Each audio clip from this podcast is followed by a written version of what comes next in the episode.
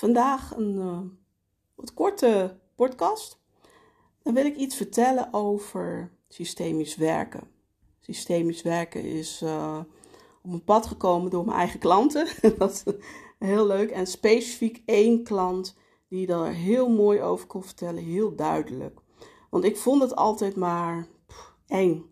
Want ik, ik dacht, systemisch werken direct aan familieopstelling is een, een methode. Maar ik dacht van ja, dat is een wetende veld en, en die weet dan alles of zo. Wat, ja, ik vond het allemaal maar uh, eng. Dus ik wilde niks van weten. Maar zij legde dat, volgens mij heb ik dat ook in een van podcasten, ja, heb ik in een van podcasten uitgelegd. Zij legde dat heel zuiver uit, heel mooi uit. Um, ja, dus dat is fantastisch. Uh, ja, door haar ben ik daar ingerold. Uiteindelijk ben ik van daar weer naar het mediumschap gerold. Ja, dat is, uh, van het een naar het ander uh, ben ik erin gerold. En systemisch werken gebruik ik nu nog in mijn coaching sessie. Ik blijf in ieder geval minimaal tot februari 2023 uh, werken. Onder andere als coach. Ook binnen mijn nieuwste programma die september start. En daarna zou ik mij steeds meer gaan terugtrekken en steeds meer, ja, zou zeggen, fungeren als docent. Hè? Het overbrengen van mijn kennis over het brein in dit geval. Uh, dat is dan mijn stukje. En de andere docenten zullen wat uh, vertellen over intuïtie en het. En komt ook nog iemand vertellen over de opstellingen. Dus ik zal steeds meer daar um, ja, iets minder echt als coach aanwezig zijn. Uh, zowel als business coach als, ja, hoe noem je het allemaal, maakt het me niet uit. dus ik zal steeds meer anderen, duw ik als het ware meer naar voren. zo ga ik werken met verschillende goede coaches waarvan ik weet dat ze heel goed zijn. En ja, die nemen dus als het ware mijn plekje over. Of ja, die sta ik graag af. Uh, niet omdat ik het werk niet meer leuk vind, ik vind het fantastisch, maar ik merk gewoon dat na 13,5 jaar coach, dat ik steeds meer in de rol kom van een soort, ja, om het in alle bescheidenheid te zeggen, een soort senior functie uh, om andere coaches, trainers, andere kenniswerkers te leren hoe ze bepaalde vaardigheden beter kunnen inzetten in hun werk. Dus meer op die manier, uh, zo zie ik het in ieder geval. Maar goed, systemisch werk, ontzettend leuk. Ontzettend fijn dat het op mijn pad is gekomen, want ik merk hoeveel invloed dat nu al heeft op de klanten die ik heb. ik ben ermee gaan werken en ja, het is zo magisch ook van dat je denkt van, en je denkt te weten hoe iets zit en dan blijkt het totaal anders te zitten. op het moment dat je bijvoorbeeld een, een, familieopstelling doet of een tafelopstelling. Uh, dan wordt als het ware het beeld helder. Systemisch werken, ik wil niet te diep ingaan op wat systemisch werken is. Dat wil ik echt tot een andere keer bewaren, want ik wil gewoon eigenlijk één voorbeeld vertellen. En het ging eigenlijk over balans, maar om, dat, om daar te komen wil ik toch een paar kleine dingetjes vertellen. Zoals uh, ja, systemisch werken is de grondlegger. De grondlegger van systemisch werken is Bert Hellinger. Hij heeft uh, ja, veel gedaan, veel te weten gekomen over familiesystemen. We hebben allemaal, uh, zitten wij, hebben we een familie. we hebben allemaal, uh, komen we uit een systeem. Hè? Als je kijkt al naar het ouderlijke systeem, ook al ben je niet opgevoed door je ouders. Hè? Je hebt altijd ouders, hè? je hebt altijd een vader en moeder, ook al heb je hun nooit gekend. En wellicht heb je ook broers en zussen, et cetera. Dus wij nemen allemaal een familie mee we nemen allemaal een systeem mee. Op het moment dat je op je werk gaat, heb je eigenlijk een soort systeem. op het moment dat jij bijvoorbeeld uh, een hobby hebt en je bent samen aan het tennissen, is er ook een systeem. Hè? Dus zijn, maar ja, goed. Er zijn verschillende systemen, maar de oorsprong, hè, je familiesysteem, is vaak soms toch nog wel, uh, geeft dat nu den he hele dagen toch nog wel wat uh, problemen, kan het zijn, in je, in je huidige leven.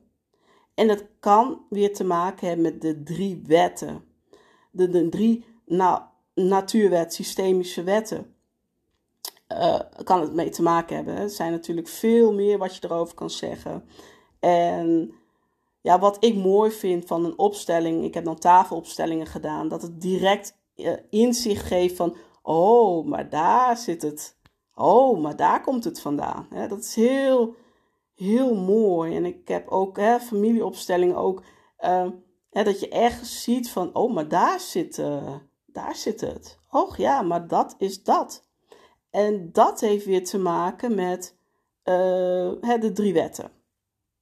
En de drie wetten die er zijn, de natuurwetten als het ware, daar kijk je als eerst naar, als opsteller, als coach, met, uh, die gebruik maakt van systemisch uh, werk, van worden deze drie wetten wel nageleefd, hè, om het maar even zo te zeggen.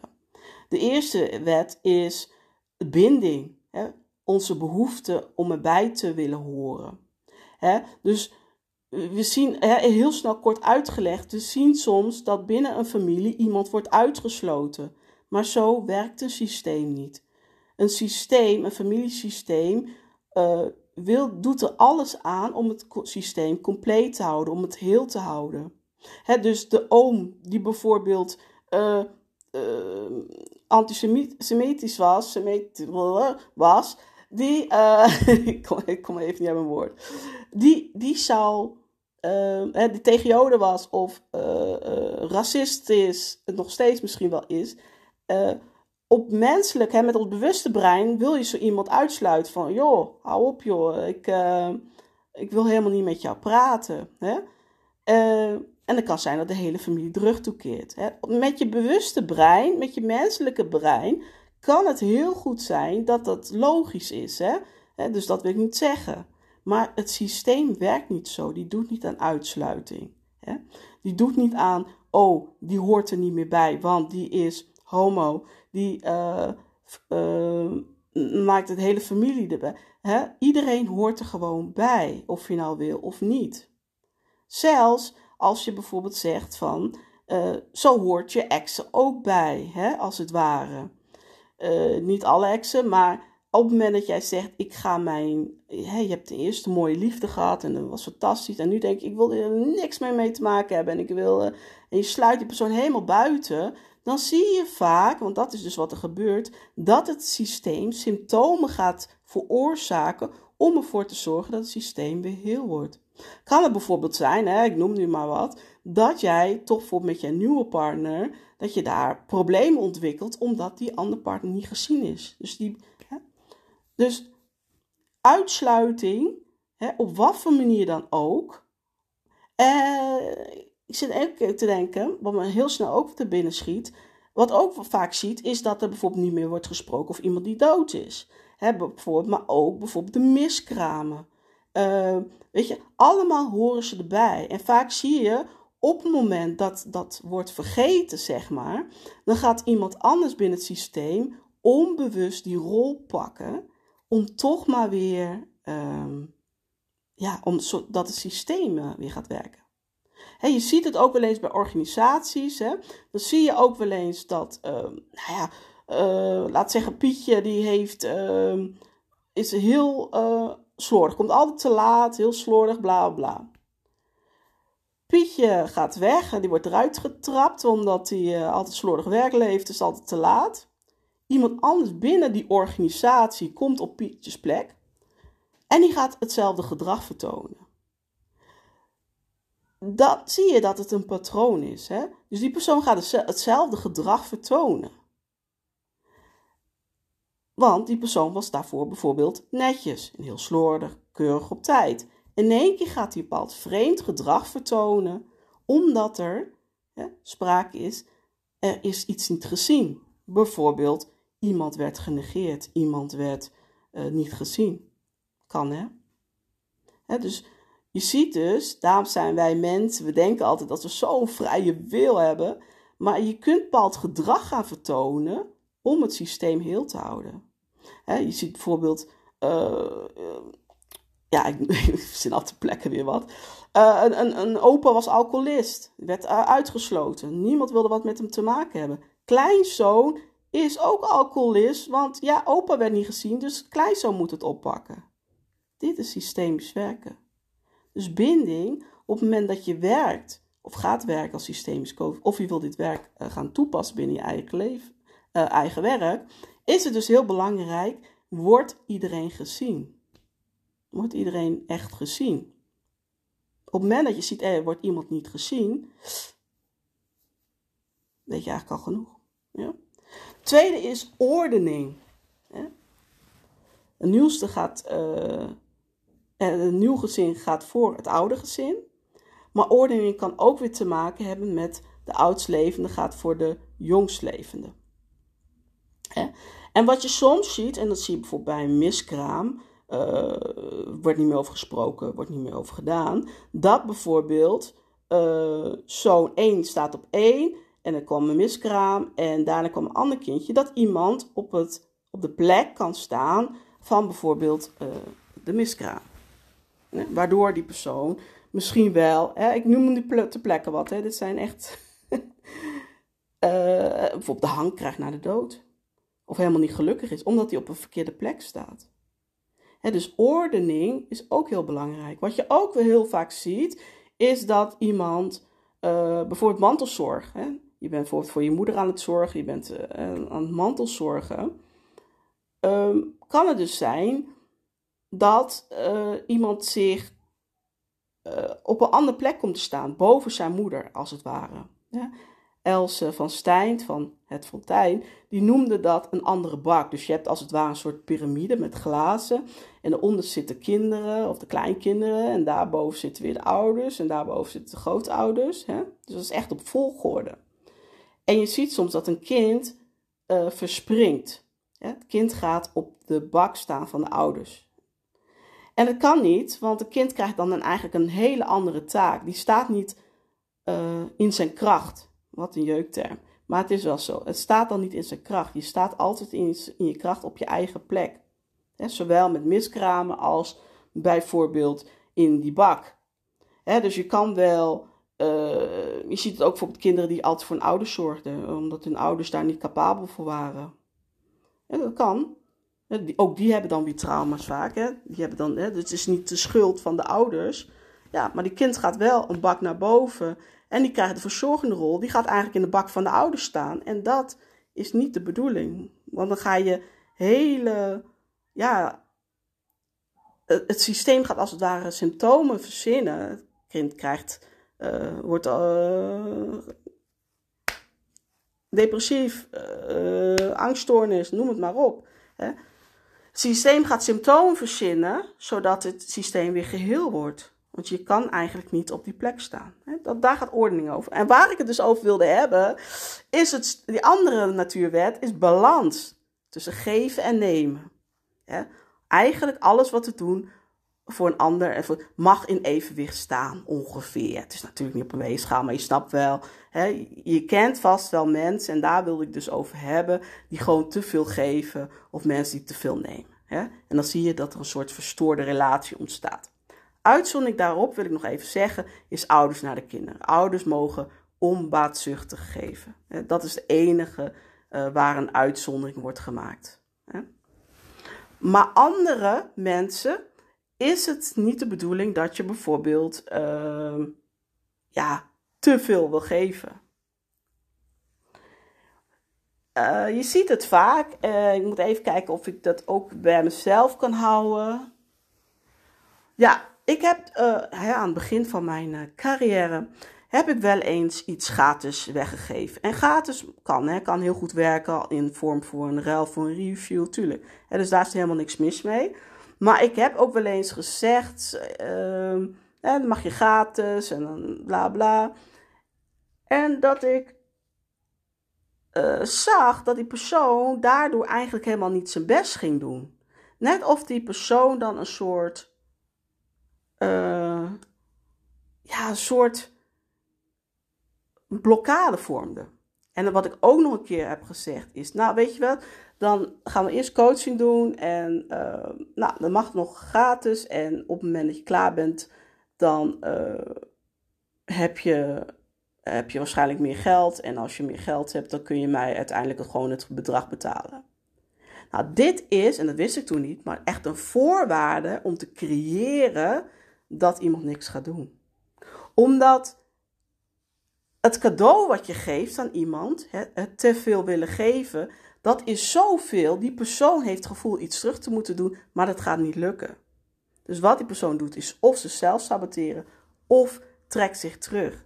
En daarom is het ook wel zo dat op het moment dat jij ehm, heel veel geeft, geeft, geeft, geeft, dat je soms wel eens ziet dat iemand uiteindelijk het contact verbreekt.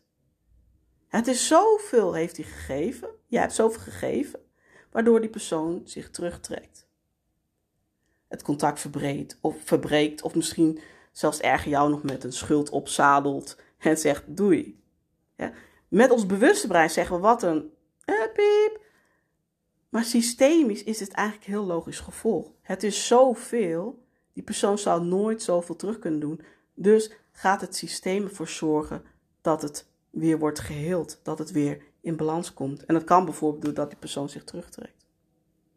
Dat is dus eigenlijk waar ik het over wilde hebben. Maar dat zal wel heel kort zijn geweest. Hè? Ja, want, want hè, je ziet het, je geeft misschien ergens te veel, dat heb je vast wel. Of andersom, misschien ben jij zelf dat je denkt, ja, oeh.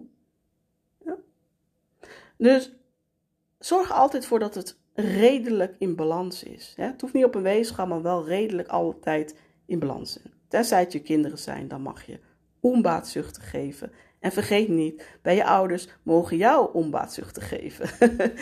dus, nee, maar um, dit is even heel in het kort. Ik vind het echt ja, heel interessant. Uh, ja, ook dit, dit komt aan bod in, uh, in mijn programma. In mijn nieuwsprogramma, die uh, 15 september. Nee, klopt niet. Die begin september gaat starten. 15 september is de live dag.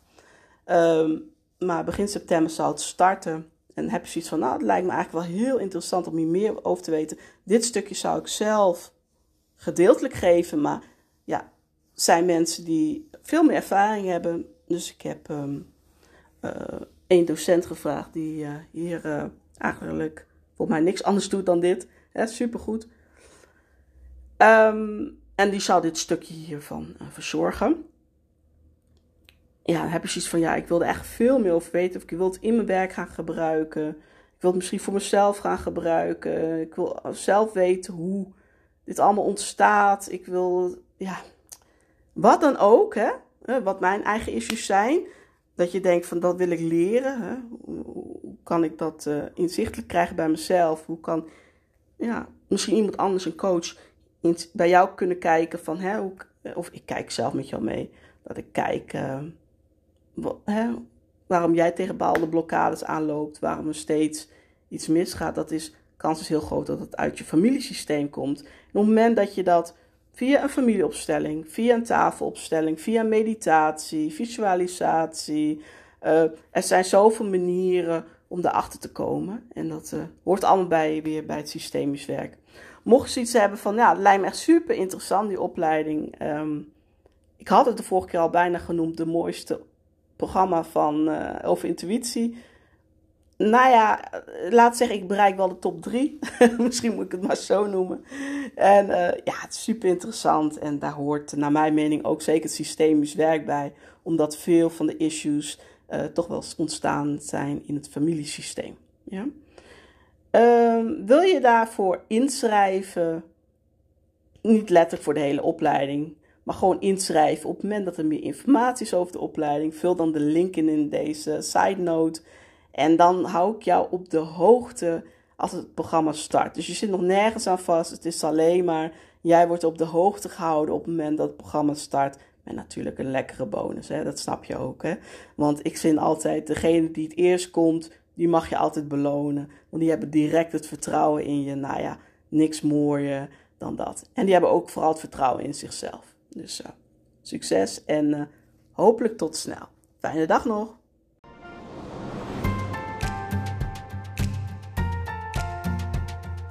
We zijn weer aangekomen bij het einde van deze podcastaflevering. In ieder geval fijn dat je weer geluisterd hebt. Ik hoop dat je het waardevol vond en er weer inzicht uit hebt gehaald voor jezelf en voor je business. Wil je nooit meer een aflevering missen? Abonneer je dan op mijn kanaal. Dan ontvang je een melding wanneer er weer een nieuwe aflevering online staat. Vond je dit een waardevolle podcastaflevering? Dan zou ik het fantastisch vinden als je deze podcast wilt delen op je favoriete social media kanaal. In ieder geval bedankt en tot snel!